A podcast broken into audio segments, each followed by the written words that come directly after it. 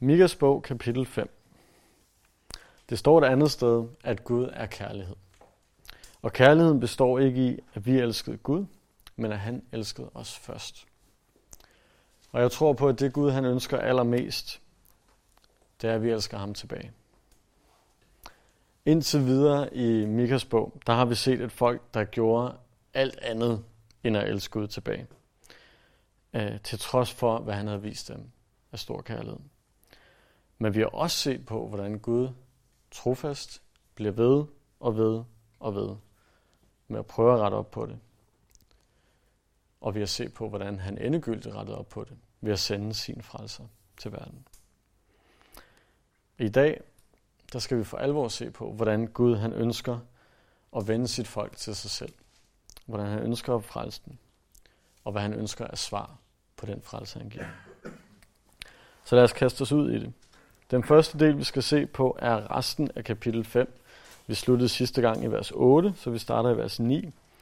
Øh, overskriften for resten af kapitlet er udrensning af landet. På den dag, siger Herren, til indegør jeg de heste, du har, og ødelægger dine vogne. Jeg til indegør byerne i dit land, og jævner alle dine fæstninger med jorden.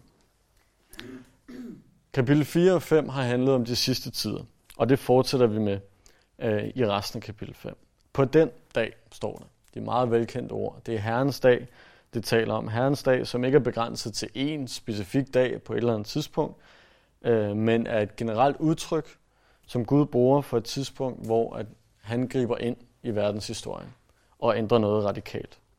Ændrer tingens tilstand, som vi kender Det kan nogle gange være for at dømme, og det er nogle gange for at velsigne. Så når vi bare læser Herrens dag, så ved vi ikke nødvendigvis, om det er godt eller dårligt for dem, der lytter, eller dem, der bliver talt til, men vi ved, at det er stort. Vi ved, at det er vigtigt. Det er dage, hvor Gud på den ene eller den anden måde viser sin almægtighed. Træder ind og siger, i dag er det mig, der bestemmer. I dag gør vi, som jeg siger. Og derfor er det Herrens dag. Øh, det er ofte, men ikke altid, de sidste tider, der tales om, når vi snakker om Herrens dag. Og i dag er det her i Mika, kapitel 5, de sidste tider, vi ser på. På sådan en dag, står der, at Herren vil rense ud i landet. Han vil rense alt det snavsbord, der er i landet. Og en, en udrensning, så håber jeg ikke, at det første, du tænker, er en eller anden form for raceudrensning. Det kan vi måske komme til at tænke på i lyset af det 20. og 21. århundrede. Det, det er ikke sådan en form for udrensning i et land, vi snakker om. Vi snakker om at rense snavset væk fra det folk, Gud elsker. Og det vil han gøre på flere forskellige måder. Det overordnede i den her tekst er, at Gud vil rense de ting væk, som holder israelitterne fra at elske ham. Af hele deres hjerte, hele deres sjæl og hele deres styrke.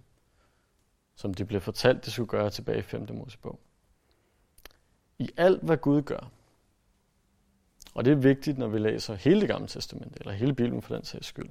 Især den her tekst, og især profeterne. I alt, hvad Gud gør, så er hans største ønske, at det skal få folk til at elske ham. Af hele deres hjerte, hele deres sjæl, hele deres styrke og hele deres sind. Ligesom han elsker dem. Det største, han ønsker, det er at få noget igen og specifikt at få kærlighed igen. Det var derfor, han skabte os til at starte med. Til at have fællesskab med, med ham. Det var derfor, han gav bud og love i starten af Bibelen, der skulle holde israelitterne fra alt det, der holder dem fra ham. Det var ikke bare for at være streng. Der var en, et specifikt formål med det. Det var også derfor, han døde på et kors. For at genoprette fællesskabet med mennesker. Og det er derfor, at han nu siger, nu skal der renses. Nu skal der ryddes op. Det første herren, han vil ødelægge, står der så i vers 10. Nej, undskyld, allerede i vers 9. At han vil tilindegøre de heste, du har, og ødelægger dine vogne. Og så står der i vers 10, øh, byerne i dit land og fæstninger skal jævnes med jorden. Så heste, vogne, byer og fæstninger. Det er stadig Juda, der er i fokus. Det sydlige rige af de to. Det nordlige rige er formentlig for kort tid siden et eller andet sted i løbet af Mikas levetid blevet ført i fangenskab i Assyrien, blevet erobret af Assyrien, så nu er det Juda, det sydlige rige, der er i fokus. Og de her fire ting, som, som Gud nu nævner, eller som Mika nævner, øh, det er alle sammen ting, der repræsenterer deres militære styrke. Deres heste og deres vogne, deres fæstninger. Det repræsenterer de ting, som de stolede på, når de var i nød, i stedet for at stole på Gud. Der kunne være to store problemer i et samfund på det her tidspunkt. Det ene kunne være manglende vand, for så er der ikke nogen afgrøder, og så er der ikke noget mad. Den anden kunne være alt for store fjender. Og der, der kan du stole på tre ting. Du kan stole på nogle øh, fæsende afguder, som skulle hjælpe med nogle afgrøder. Du kan stole på din militærstyrke eller andre afguder. Eller du kan stole på Gud. Og i det her ene problem, det med de store fjender, der valgte de at stole på deres egen styrke, i stedet for at stole på Herren. De her ting, militær styrke, redskaber, hjælpemidler, det er ikke nødvendigvis dårlige ting. Det, det, er ikke, det er ikke dårligt at kunne forsvare sig mod en fjende. Men det er forkert at stole på det mere end Gud. Og det kommer vi til, hvorfor det er vigtigt lige om lidt. Vers 11. Jeg tilintetgør dem, der bruger magi, og troldmænd skal du ikke længere have. Så det næste herren vil ødelægge, det er magi og troldmænd. Magi og troldmænd. Jeg skal nok lade være med at nævne Harry Potter eller andre. Det gør jeg også alligevel. Det er ikke det, der er pointen som sådan. Jeg tror ikke, øh, det kan man sikkert finde andre steder. Jeg tror ikke som sådan, det er det, der er pointen. Men hvis man går tilbage og kigger i 5. Mosebog. 5. Mosebog er en form for repetition eller opsummering af 2. til 4. Mosebog. Det vil sige mere eller mindre hele Moseloven. I 5. Mosebog, specifikt i kapitel 18, der advarer Gud om brugen af magi, trolddomskunst, orakler, så videre og så videre. Samme boldgade. Det er beskrevet som noget, som de folk, der boede i det forjættede land, før Israel kom til, det er beskrevet som noget, de benyttede sig af. Noget, de gjorde. Jeg ved ikke, om det var til daglig, eller om det var deres søndags lørdags gudstjeneste. Men det var noget, de benyttede sig af. Det er noget, der hører verden til. Det er noget, der hører de andre nationer til. Det var deres måde, så at sige, at få profetier eller sandhed, ligesom Israel gjorde gennem Guds profeter. Dermed var det selvfølgelig løgn, det der nu kom ud af det. Men det er verdens måde at få sandhed på. Det interessante er, at lige efter det, i 5. Mosebog kapitel 18, lige efter at have beskrevet de her ting, og hvordan man skal lade være med det, der går Gud direkte over i at beskrive noget andet. Han går over i at beskrive en profet, der skulle fremstå i landet efter Moses. En profet, der på mange måder skulle ligne Moses. En profet, der skulle have Herrens ord i sin mund, står der, og som ville forkynde dem alt, hvad Herren befalede dem. Vi kender ham i dag som noget andet. Vi kender ham som Jesus. Han er også beskrevet som profeten. Og i det første århundrede, der ventede man profeten ud fra det her kapitel. Og det var selvfølgelig Jesus. Så helt tilbage i 5. Mosebog kapitel 18, når det første vi har i vores Bibel, der sætter Gud kontrast mellem verdens metoder og hans profet Jesus. Allerede tilbage dengang. Så det Gud taler om, når han taler om, at han vil ødelægge magi og troldmænd osv., det er verdens praksis. Det er den måde, verden gør tingene på, som står i skarp kontrakt til Jesus. Det er Gud, han prøver at få fjernet. Det er alt det, hvor Jesus ikke er i fokus. Det er alt det, hvor man gør tingene selv, i stedet for at stole på Gud. Og det, selv sagt, fik også israelitterne længere væk fra Gud. Vers 12. Jeg til de gudebilleder og de stenstøtter, du har. Du skal ikke mere tilbede dine hænders værk. Jeg rykker dine asherepæle op og ødelægger dine byer. Det næste bliver, det bliver lidt mere tydeligt måske. Afguder. Det, og det, kan næsten, det er næsten omsonst at sige det, men det er om noget en ting, som fik folket væk fra Gud. Det siger sig selv. Hvis du tilbyder en anden Gud, så kommer du længere væk fra Herren. Det er noget, som de prioriterede i stedet for at prioritere Gud. Som sagt, det er måske den mest åbenlysende af dem, så kommer heller ikke meget mere forklaring. Men de tre ting vil Gud rense ud i. Vers 14. I vrede og harme tager hævn over de folk, som ikke vil høre. Alt det her, det er ikke noget Gud, han tager let på. Gud, han er ikke en eller anden morfar, som kigger ned på sit søde barnbarn Cornelia, eller et eller andet andet barnbarn, og tænker, åh, du er så sød. Ej, det var ikke så godt, det du gjorde. Men jamen, du er jo så sød, så det er okay. Det ser vi gennem fingre med. Jeg ved, at der er en morfar, der vil sige, hvis Cornelia gjorde noget forkert. Sådan er Gud ikke. Gud, han er hellig. Der står, at han bliver vred. Han bliver harm. Det er alt for sjældent, jeg bruger det ord. Men Gud, han bliver harm over synd. Han bliver vred over dem, der sætter ham til side, når de har lovet at gøre noget andet. Han tager det nært. Nu står der ikke specifikt, at han bliver ked af det, men jeg tror ikke, det er for voldsomt at smide det der ind også. Han bliver ked af det, når det folk, han havde en pagt med, vælger at sige, der er andre ting, vi hellere vil. Der er andre ting, der er vigtigere, som vi stoler mere på. Hvis han ikke tog det nært, hvis han ikke blev vred, hvorfor skulle han så sende sin søn til at dø på et kors?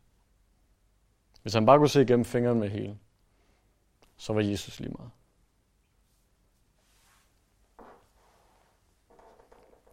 Så jeg priser Gud, for han bliver vred over synd. For ellers ville der ikke være nogen frelse fra den. Så har Gud sat sig over i sit eget hjørne og tænkt, fint nok, pas jer selv. Det Gud prøver at sige, det er, at han vil rense sit folk. Ikke bare overse deres snavs, skubbe det ind under gulvtæppet over i hjørnet, bede nogle andre om at klare det. Gud han vil fjerne det her snavs fra folket. Han vil fjerne de ting, der holder dem fra ham. Og jeg tror på, at det her taler om de sidste tider. Jeg tror på, at det taler om, hvordan tingene vil fungere i tusindårsriget. Og jeg tror meget specifikt, det taler om, hvad Gud vil gøre, når han vender tilbage. Når Jesus vender tilbage og sætter sit tusindårsrige op, så vil der ikke være plads til de her ting. Så vil han rense ud.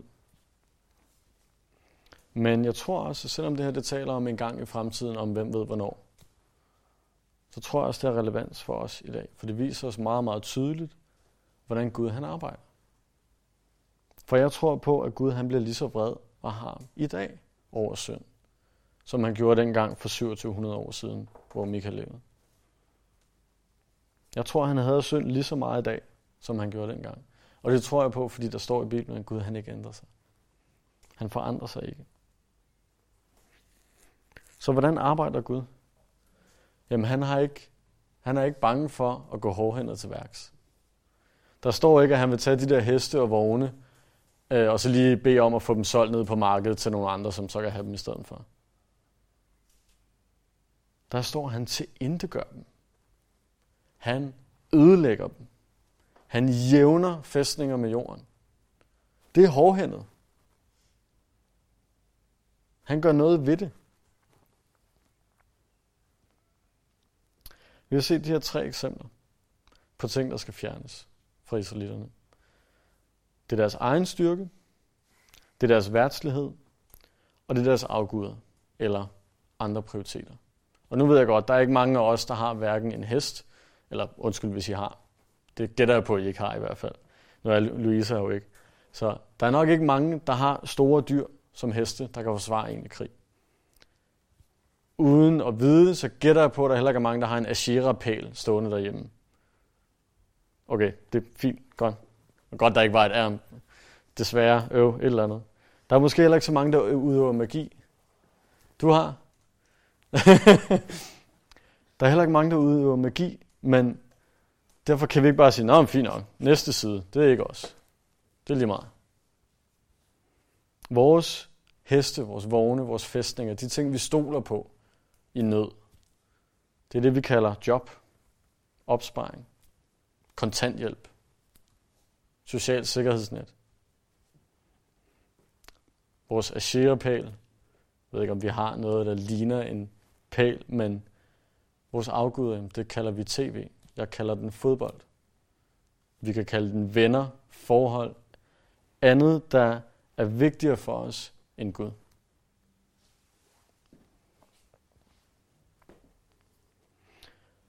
Vores magi og vores troldmænd, igen, det er ikke Harry Potter, men det er alle de steder, hvor vi stoler mere på verdens råd, end på Guds råd. Hvor vi løser tingene ved at sige, okay, fint, vi googler lige, hvordan plejer andre mennesker at gøre det. Hvad har andre haft succes med? I stedet for at bede til Gud om hans kraft. Jeg håber og stoler på, det gjorde det for mig i hvert fald, at noget af det her lyder bekendt. At man kan genkende til de her ting. Sagtens nævne flere eksempler. Det kan vi måske tage over kaffen bagefter.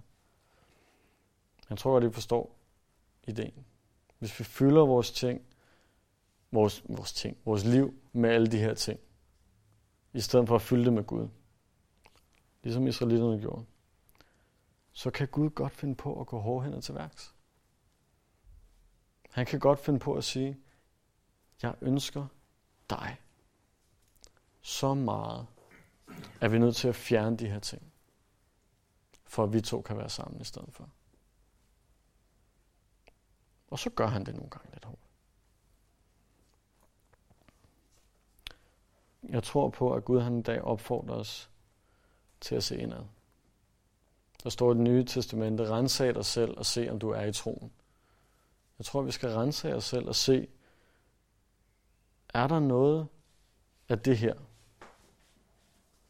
som vækker tanker i os selv på noget andet i vores liv? Ikke nødvendigvis en asherepæl, men et eller andet andet, som Helligånden minder os om lige nu. Er der noget, der skal væk? Er der noget, der hindrer os i vores fællesskab med Gud? Og hvis der er, så er løsningen meget nem. Hvis det, en asherepæl er nem lige at hugge ned måske. En hest er nem at klappe bag i, og så løber den vel væk på et eller andet tidspunkt. Hvad ved jeg. Nogle ting er nemme lige at skille ud. Andre ting er ikke så nemme at give slip på. Bed Gud om hjælp. Det er ikke en politimand, det er en kærlig far, der hjertens gerne vil hjælpe. Og apropos far, hvis du er i tvivl om, hvorvidt han gerne vil gøre det, så lad os tage det billede. Tror du, en far vil tage slikket ud af hånden på et barn, der er ved at spise det lige en aftensmadstid? Nej, bliver der hurtigt sagt. Og der bliver nikket andre steder. Det er fordi, du er stærkere end din far, jo. Selvfølgelig vil min far det. Eller alt muligt andet, der er farligere end slik lige en aftensmadstid. Selvfølgelig vil han det. Et andet eksempel, nu det bliver måske lidt mere voldsomt, men en misbruger eller en alkoholiker, som har bedre af et glas vand end en pilsner til at starte dagen på. Hvis vi kan se de ting i andre menneskers liv, se at der er noget, de burde gøre, i stedet for det, der er ved at ødelægge den. burde Gud så ikke være i stand til at se det i vores liv? Og burde han ikke have lov til at sige noget til det? Du skal ikke lade dig skræmme af, at, at Gud han er lidt hård. Han er det som en far.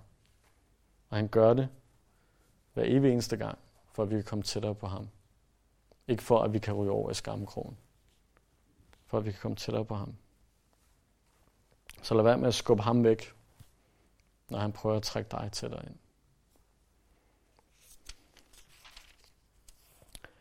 Jeg skal over kapitel 6. Med kapitel 6, der går vi ind i den tredje del af den her bog, den tredje hovedsektion, så at sige. Jeg har tidligere sagt, at der var tre hovedsektioner, og den bogen kunne deles ind i tre. Øh, det tager jeg tilbage. Nu siger jeg, at der er fire. Jeg, går, jeg håber ikke, at jeg siger fem næste gang, men øh, de første tre kapitler handlede om synden i folket. Synden i folket. Kapitel 4 og 5, som vi netop har afsluttet, handlede primært om fremtiden. Noget af det var nær fremtid, noget af det var fjern fremtid, men det handlede om fremtiden. Og, som vi netop snakker om, det handlede også om synd af forskellige art. Det handlede også om udrensning, hvilket vil ske i fremtiden. Så det er stadig med fokus på fremtiden. Med det i baghovedet, og det er derfor, vi gør det på den her måde i dag. Med det i baghovedet, så går vi ind i den tredje sektion, som er kapitel 6, vers 1, og frem til kapitel 7, vers 6. Der er igen en lidt skæv inddeling. Normalt så ville man jo dele det op, så man sagde, okay, øh, første del, tre kapitler, dem tager vi en gang. Næste del, den tager vi en gang. Næste del tager vi en gang. Men nu, som I måske har opdaget, så er jeg ikke færdig med at stå og tale. Så nu går vi, vi har afsluttet en del, og så hopper vi ind i en anden hoveddel. Og det er der en meget god grund til. Fordi den næste del, den tredje del, den handler om baggrunden for den synd, der var i folket. Hvorfor er det, at Gud har noget imod det, der foregår? Og det er derfor, jeg synes, det er relevant at springe direkte over i det. Fordi jeg tror ikke på, at da Mika han talte det her, eller skrev det ned. Jeg tror ikke, at han sad og lavede kapitelinddeling og så, åh, det her, det er et smart skift. Der, nu skal vi lige have en pause, og så kan vi tage den næste gang næste søndag. Han fortsatte bare derudad. Så det kommer vi også til at gøre. Vi deler bogen op for at nemmere kunne overskue, hvad der er, der foregår. Men derfor kan vi sagtens bare fortsætte derudad, ligesom Mika gjorde. Så det gør vi. Han går naturligt over til at beskrive, hvorfor kommer den dom, som jeg lige har sagt, kommer. Og det er det, vi skal se på i kapitel 6. Og som jeg også nævnte tidligere, så kommer vi til nogle af de absolut vigtigste vers i hele det gamle testamente. I vers 6-8 lige om lidt. Men lad os starte ved vers 1, fordi det er nu engang mest praktisk. Hør dog, hvad Herren siger. Rejs dig. Fremlæg sagen for bjergene. Lad højene høre din stemme. Hør Herrens anklage i bjerget, i jordens evige grundvold. Herren fører sag mod sit folk. Han går i rette med Israel. Herren går i rette med sit folk. Det vil sige, lidt ligesom før, der er noget, der er forkert, som skal rettes. Og det gør han ved at føre sag mod sit folk, står der. Det, I, I skal forestille jer lidt som om, at Gud og Israel, de er i et forhold, hvilket de naturligvis var. Og det forhold har lidt en eller anden form for knæk.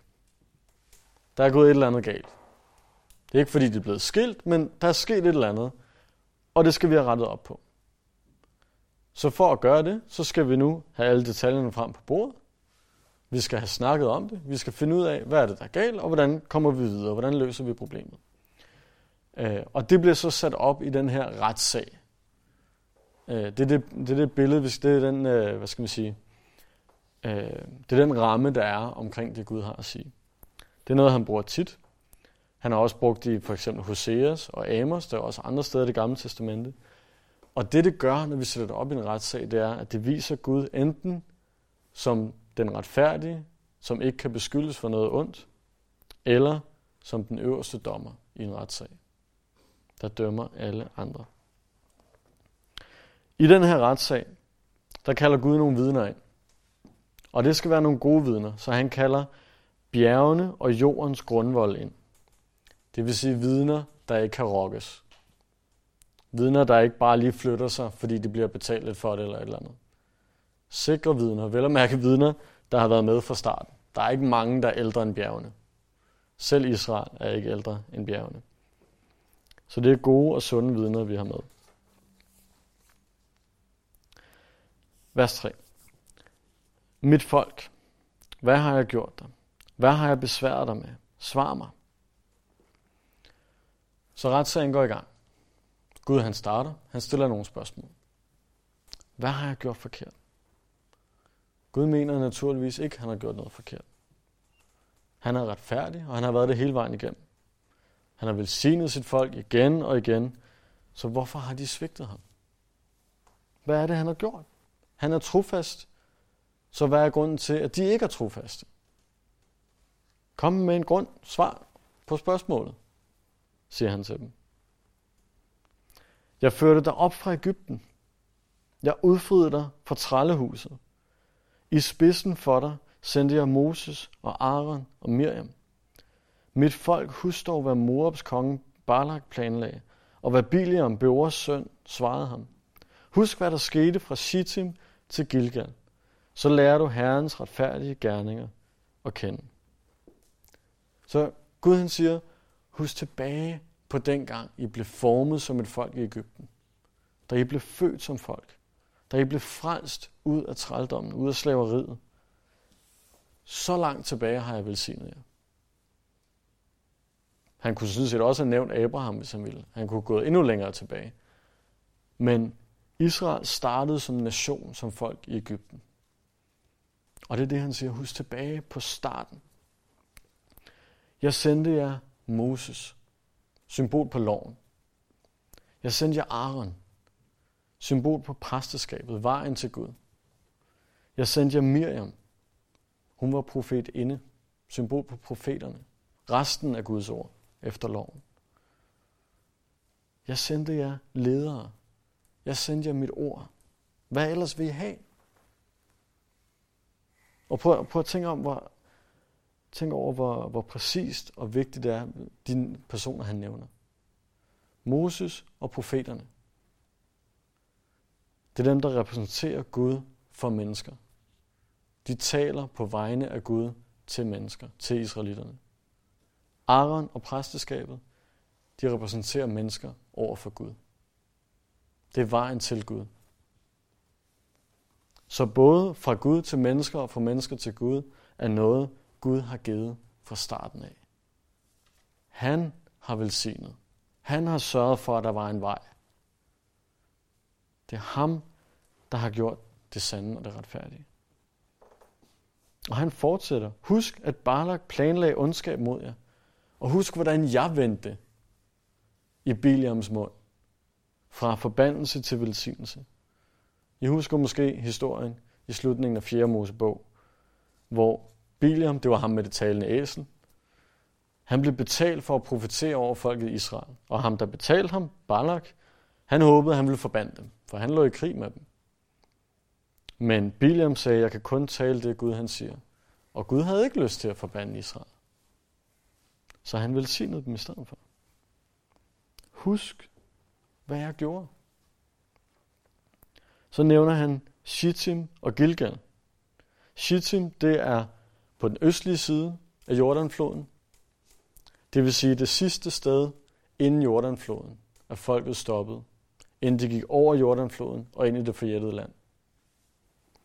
Gilgal, kan jeg vurdere, det er? Det er det første sted på den vestlige side af Jordanfloden. Så Gud han siger, husk hvad jeg gjorde.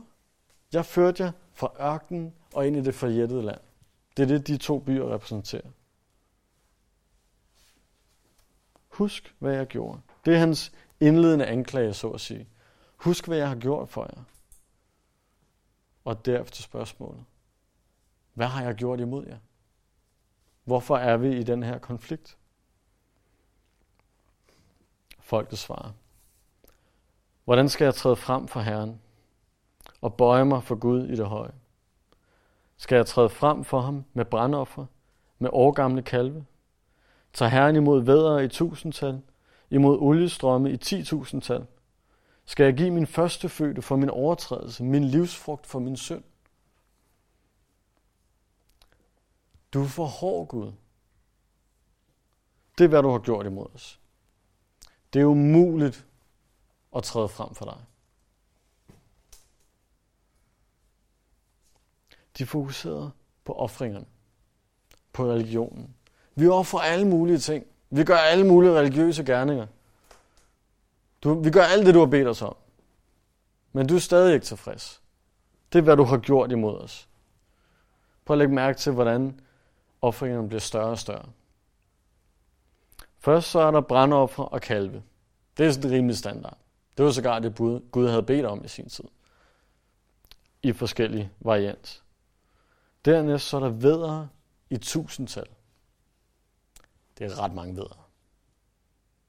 Det er et ret stort offer. Dernæst så er der oliestrømme i 10.000 tal. Det vil sige, forestil dig en hel strøm af olie. Og om det er en hel Jordanflod, eller en hel Nilen, eller om det er et helt ocean. Det, jeg ved ikke helt, hvad en strøm er. Men en strøm er mere end, i hvert fald lige en, en, en kop. En hel strøm, og så i 10.000 tal. En kæmpe offring. Er ikke lige så stor som den næste. første fødte. Min livsfrugt. Det ultimative offer. Jeg tror ikke, det her skal tolkes som et udtryk for, hvad folket var villige til at give Gud ud af deres store taknemmelighed og ud af deres store kærlighed til Gud. Det har vi set meget, meget tydeligt i resten af bogen. Den var der ikke. Jeg tror ikke, det skal tolkes som noget, de allerede havde givet til Gud. I hvert fald ikke af et rent hjerte. Det kan godt være, at de havde bragt en masse offringer. Men ikke af et rent hjerte over for Gud. Det er snarere en hånlig anklage mod Gud. Hvornår er du tilfreds? Hvad skal jeg give? Jeg kan ikke tilfredsstille dig. Du er altid sur. Har du nogensinde spurgt Gud om noget af den stil? Hvornår er du tilfreds? Jeg læser tit i min bibel. Jeg beder hver dag. Jeg giver tiende. Jeg kommer til bibelstudie. Jeg tager noter. Jeg gør gode gerninger over for andre mennesker. Jeg lader være med at gøre de her dårlige gerninger, som du har sagt, du ikke kan lide. Hvornår er du tilfreds, Gud? Hvorfor går det ikke bedre i mit liv? Hvorfor mærker jeg dig ikke mere, når jeg gør det og det og det og det og det? Gud han svarer i vers 8. Og som så ofte før, så svarer Gud på en helt anden måde, end hvad man havde forventet. Menneske. Og det tror jeg betyder, at han taler ikke kun til Israel, han taler til alle mennesker. Du har fået at vide, hvad der er godt, hvad Herren kræver af dig. Du skal handle retfærdigt, vise trofast kærlighed og overvågent vandre med din Gud. Der ligger mange ting i det her. Først og fremmest, du ved godt, menneske, hvad der er godt og rigtigt. Du har fået at vide, hvad der er godt, hvad Herren kræver af dig. Det er ikke skjult. Det er ikke svært. Det har stået der tidligere i det gamle testamente. Jeg har givet dig Moses, Miriam og Aaron. Du ved godt, hvad det kræver.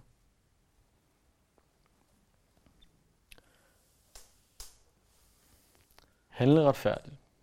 Vise trofast kærlighed og vandre med din Gud. Og lad os prøve at dele det op. En, øh, jeg skulle lige til at sige et vers gang. Lad os tage en linje gang og se, hvad det betyder. At handle retfærdigt er det første. Altså at gøre, hvad der er ret og rigtigt. Hvad der er godt og sandt. Eller retfærdigt, som der nu engang står. Ordet retfærdigt på hebraisk er mishpat, hvis jeg ellers udtaler rigtigt. Det har noget at gøre med at dømme noget efter en lov, eller måle noget efter en standard. I det her tilfælde Guds lov. Guds standard, Guds ord. Gud ønsker, at vi skal leve og handle retfærdigt. Og det skal måles imod den sandhed, han selv har givet. Han nævner mange ting, han gerne vil have, at vi gør. Vi skal hjælpe den svage og den fattige og den forældreløse. Han ønsker, at vi lader være med at snyde og lyve og sådan nogle ting. Det er at handle retfærdigt. Vi skal stå fast på, hvad der er sandt og ret. Ikke på, hvad vi selv synes og selv ønsker og selv mener, eller hvad vores politiske fløj mener, for at nævne den også. Men hvad der er sandt og ret. Han ønsker, at vi skal elske vores fjender og bede for dem, der forfølger os, som vi hørte om så sent som i søndags.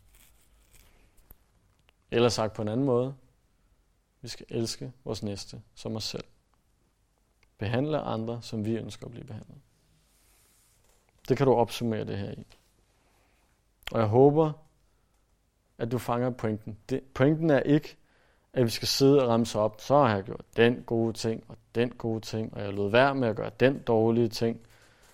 Det, det er ikke den enkelte handling i sig selv. Og det er slet ikke en stor tavle, hvor vi skriver op, jeg har gjort det, og du har ikke gjort det. Det er, det er ikke noget, vi gør én gang, eller syv gange, eller 77 gange for at være rigtig retfærdige. Det, det er ikke den enkelte handling i sig selv. Det er måden, vi lever på. Måden, vi lever på, om at gøre godt mod andre mennesker. Om at stå fast på retfærdighed og sandhed. Det betyder langt mere for Gud end tusind vedere. Det næste, det er da min yndlingsord. Der står, vise trofast kærlighed Og jo, jeg er så nørdet, at jeg har et yndlingsord på hebraisk. Det har dagen sikkert også på græsk. Mere ordret, i stedet for at der står vise trofast kærlighed, så står der faktisk, at vi skal elske trofast kærlighed. Når Gud han siger, at vi skal elske vores fjender og bede for dem, der forfølger os, så er det ikke bare, at vi, at vi gør det, fordi nu er det nu engang en pligt, og så, så får vi det overstået. Vi skal elske og gøre det. Igen, det er ikke handlingen i sig selv. Der ligger noget mere bag. Øh, som sagt, der står bogstaveligt elske, trofast, kærlighed. Så der står elske og kærlighed to gange lige efter hinanden. Det her trofast kærlighed, det er det der med yndlingsord, for det er nemlig et ord på hebraisk. Udtales noget i stil med chesed. Øh, Daniel har tit nævnt, at på græsk så er der fire ord, der kan oversættes til kærlighed. Hebraisk, de kan ikke helt følge med, men de blærer sig alligevel med at have tre ord, der kan oversættes til kærlighed. Hvor at vi har, ej, vi har kærlighed og elske, så vi har trods alt to ord, der går ud på det samme. Den her form for kærlighed er beskrevet på flere forskellige måder. Ordet er andre steder oversat til barmhjertighed eller troskab, hvilket man også kunne kalde loyalitet. I New King James, Bibelen, er det oversat til mercy, hvilket også normalt er barmhjertighed. Øh, NIV-oversættelsen, sjældent gang, at jeg faktisk er vild med den, uh, men det retfærdigvis skal det også nævnes, den oversætter det til unfailing love. Altså urokkelig kærlighed, ukulig kærlighed, ufejlbarlig kærlighed. Og det rammer ordet lige præcis, hvad det betyder.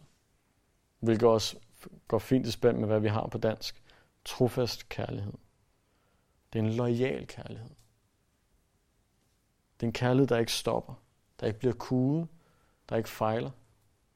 Det er ligesom den kærlighed, vi hører om i 1. Korinth 13. Det er den type kærlighed, som Gud viser, når han, som vi ser så ofte i det gamle testamente, er trofast over for israelitterne, selvom de ikke er det. Når han lojalt holder fast i sin pagt med sit folk. Og det er også den kærlighed, han viser til os. Blandt andet, når han siger, jeg har fjernet din synd lige så langt som østen er fra vesten. Jeg er død for din synd. Og jeg ændrer mig ikke, så jeg hiver den ikke tilbage igen. Jeg er lojal over for, hvad jeg har sagt, at jeg vil gøre. Jeg ændrer ikke mening lige pludselig. Vi har også meget for nylig hørt om 1. Samuel kapitel 20, hvor at David og Jonathan er ved at slutte en pagt, inden David er nødt til at flygte øh, fra Saul. Det er også det her ord, der er brugt. Faktisk er dem begge to. De udtrykker begge to over for den anden, at jeg elsker dig med en lojal og trofast kærlighed. Det er også brugt to gange, når Jesus to gange i det nye testamente citerer Hoseas kapitel 6, vers 6, hvor der står, barmhjertighed eller troskab ønsker jeg ikke. Nej, undskyld. Meget forkert. lærer. barmhjertighed og troskab ønsker jeg, komma, ikke slagtoffer. Meget vigtigt med det, der kommer der. Barmhjertighed ønsker jeg, ikke slagtoffer. Eller lojal, trofast kærlighed ønsker jeg. Hvilket selvfølgelig passer akkurat med, hvad vi læser her. Det er en kærlighed, der er forbundet med det at være i et paksforhold. Det at have en pagt med Gud. Og det er også den kærlighed, Gud han forventer, at vi skal elske ham med. Så Gud ønsker, at vi skal være trofaste. Det gælder både over for andre, og det gælder især over for ham. Hvad betyder oliestrømme i 10.000 tal? Hvis vi først går hen og offrer dem til Gud, og så bagefter går hen og er enten kolde eller lunkne over for ham i alt, hvad vi ellers foretager os. Han ønsker lojal kærlighed. Han ønsker, som vi snakker om tidligere, at vi elsker ham af hele vores hjerte, sjæl, styrke og sind. Det sidste, der står, er, at vi skal vandre overvågent med vores Gud. En bedre oversættelse af det her overvågent kunne være ydmygt. Øh, det er blandt andet også det, der står i flere engelske oversættelser. Vi skal vandre ydmygt med vores Gud. Hvad betyder det? Jamen, det betyder, at anerkende, at det er ham, der er Gud, og at vi ikke er det. Det er ydmyghed. Det er ham, der har tøjlerne. Det er ham, der bestemmer. Og det gør han, fordi det er ham, der har styrken og magten til det. Det er ham, der er den perfekte frelser, og os, der er de frelste syndere. Vi er ikke i et forhold med Gud, hvor begge parter har lige meget at skulle have sagt. Og så sætter vi os ned og stemmer om tingene, eller snakker om tingene og bliver enige om, hvad vi gør og indgår nogle kompromiser. Gud bestemmer. Israelitterne, de vil gå deres egen vej. De vil gøre tingene på deres egen måde. De vil have lov til at prioritere deres egne ting. Men det er der ikke plads til i et paksforhold med Gud. I det nye testamente, der er det beskrevet som, at Gud er hovedet, og vi er læmet. Nogle ved, hvad grunden er til, at der ikke er to hoveder. Fordi alt med to hoveder er et misfoster. Har du set noget, der er normalt fra naturens side, har to hoveder? Nu er igen uden Harry Potter. Slanger, som normalt har to hoveder, eller som ved en misdannelse har to hoveder.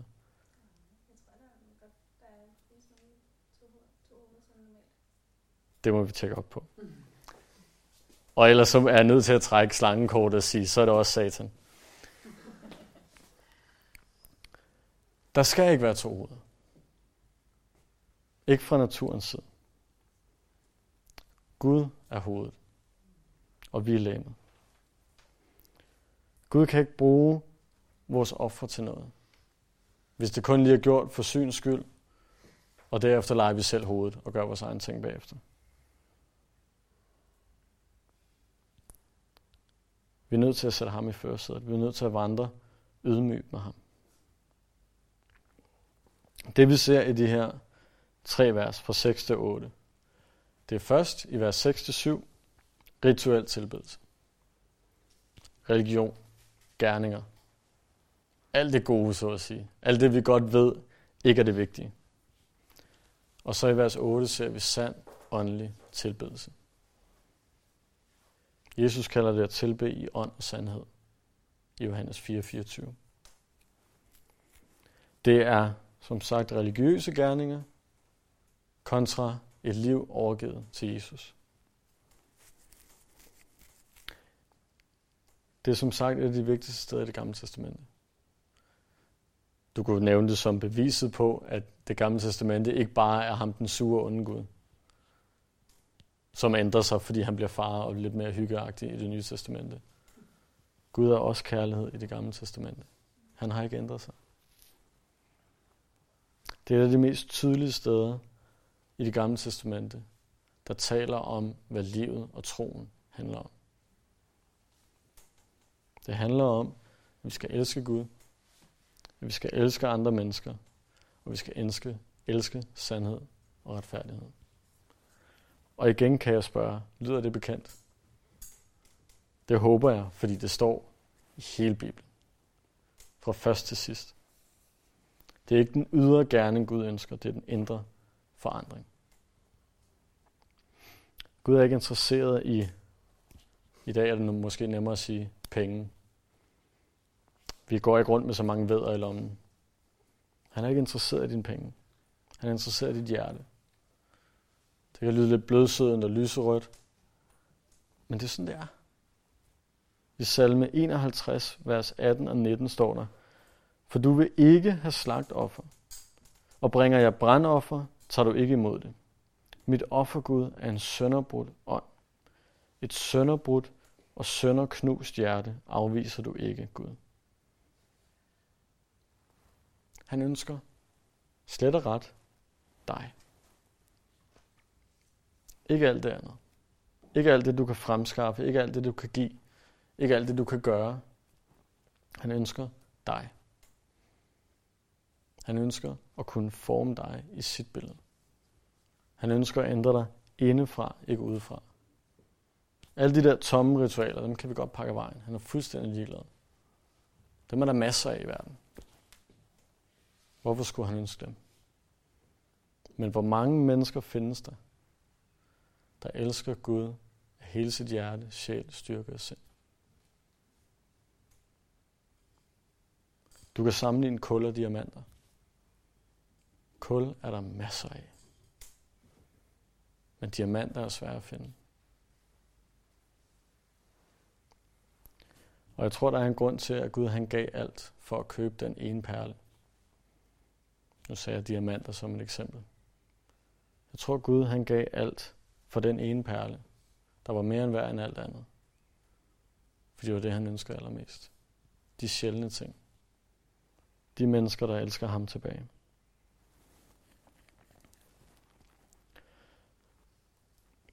Når, jeg, når man starter med at kigge på al den her religion, så kan man nogle godt, nogle gange, det kan jeg i hvert fald, nogle gange kan jeg godt begynde at tænke, det vil egentlig være nemmere. Det der med at elske andre mennesker. Pff. Altså, nogen kan jeg godt, ikke? Men elsk mine fjender. Elske retfærdighed hver evig eneste gang. Ikke bare, når det lige passer ind i mit schema, men hver gang. Så er det nemmere med en vædder en gang imellem. Ned i Bilka, op på grillen, så er vi færdige, ikke? Det er nu engang nemmere. Så når Gud han pludselig siger, elsk din næste som dig selv. Vis trofast kærlighed, vandrer ydmyg på mig. Lad mig tage over i stedet for dig selv. Så kan det godt lyde som et, et større offer, end det israelitterne kunne finde på. Det lyder endnu sværere. Det, altså, gå tilbage til retssagen. Israelitterne sagde, Gud, vi kan ikke tilfredsstille dig. Og så siger Gud, jo jo, det kan I godt. Jeg giver jer noget, der er endnu sværere end det, I har nævnt. Der er en, der godt kunne de her ting. Søndagsskolesvar. Jesus. Jesus. Jesus handlede retfærdigt i alle sine gerninger. Jesus var og er trofast i sin kærlighed. Og han vandrede ydmygt med sin Gud i de 33 år, han vandrede her. Jesus viste så meget trofast kærlighed, at han døde for de mennesker, der slår ham ihjel. Så kan man tale om at elske sine fjender. Jesus opfyldte alt det her. Og jeg tror på, at der kun er én eneste måde, vi kan på overhovedet komme i nærheden af at opfylde det her. Det er ved at lade Jesus leve igennem os. Det sidste, jeg vil slå op. Galaterne, kapitel 2. Vi har gennemgået det for ganske nylig. Men det er værd at blive gentaget.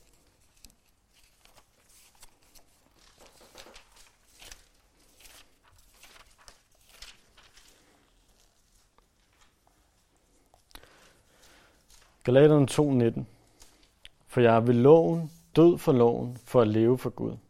Jeg er korsfæstet med Kristus. Jeg lever ikke mere selv, men Kristus lever i mig, og mit liv her på jorden lever jeg i troen på Guds søn, der elskede mig og gav sig selv hen for mig. Kun et liv, hvor Jesus får lov til at leve, hvor Jesus er centrum, kan opfylde de her ting. Vi kan ikke i os selv. Og som jeg også nævnte tidligere, det kan kun ske ved en indre forandring. Ved at Jesus får lov til at tage over og ændre os indvendigt. Det sidste, jeg vil nævne, er, hvad Gud han kræver. Der står som overskrift i den danske bibel. Herren kræver retfærdighed, ikke ofre. Jeg har set andre steder, hvor der står, hvad Herren kræver.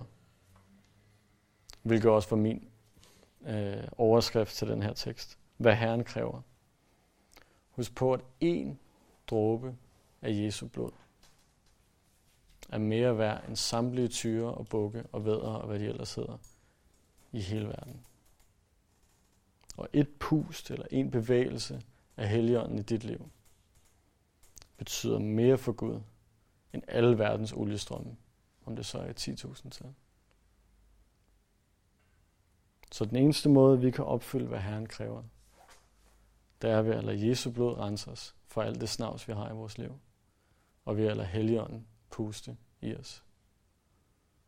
Og Lukas han fortæller os, at Gud han giver frivilligt og helt Helligånden til dem, som spørger ham. Til dem, som beder om det. Så lad os gøre det. Far, tak, at du ikke bare har sat et krav os op, men du har også gjort det muligt for os at møde det krav. Her tak, at det ikke er umuligt. Tak, at det ikke er fjernt. Tak, at det ikke er umuligt at finde ud af og kende. Men du har gjort det tydeligt her for os mennesker, hvad du kræver, nemlig et liv overgivet til dig. Et liv fyldt af Jesus. Og Jesus, vi takker dig, at du er her i aften, at du ønsker at fylde os. Vi beder, at du, du må tage den plads i vores hjerte, som du har brug for. Ja, vi lægger alt andet til side for dig. Men du regerer i vores liv.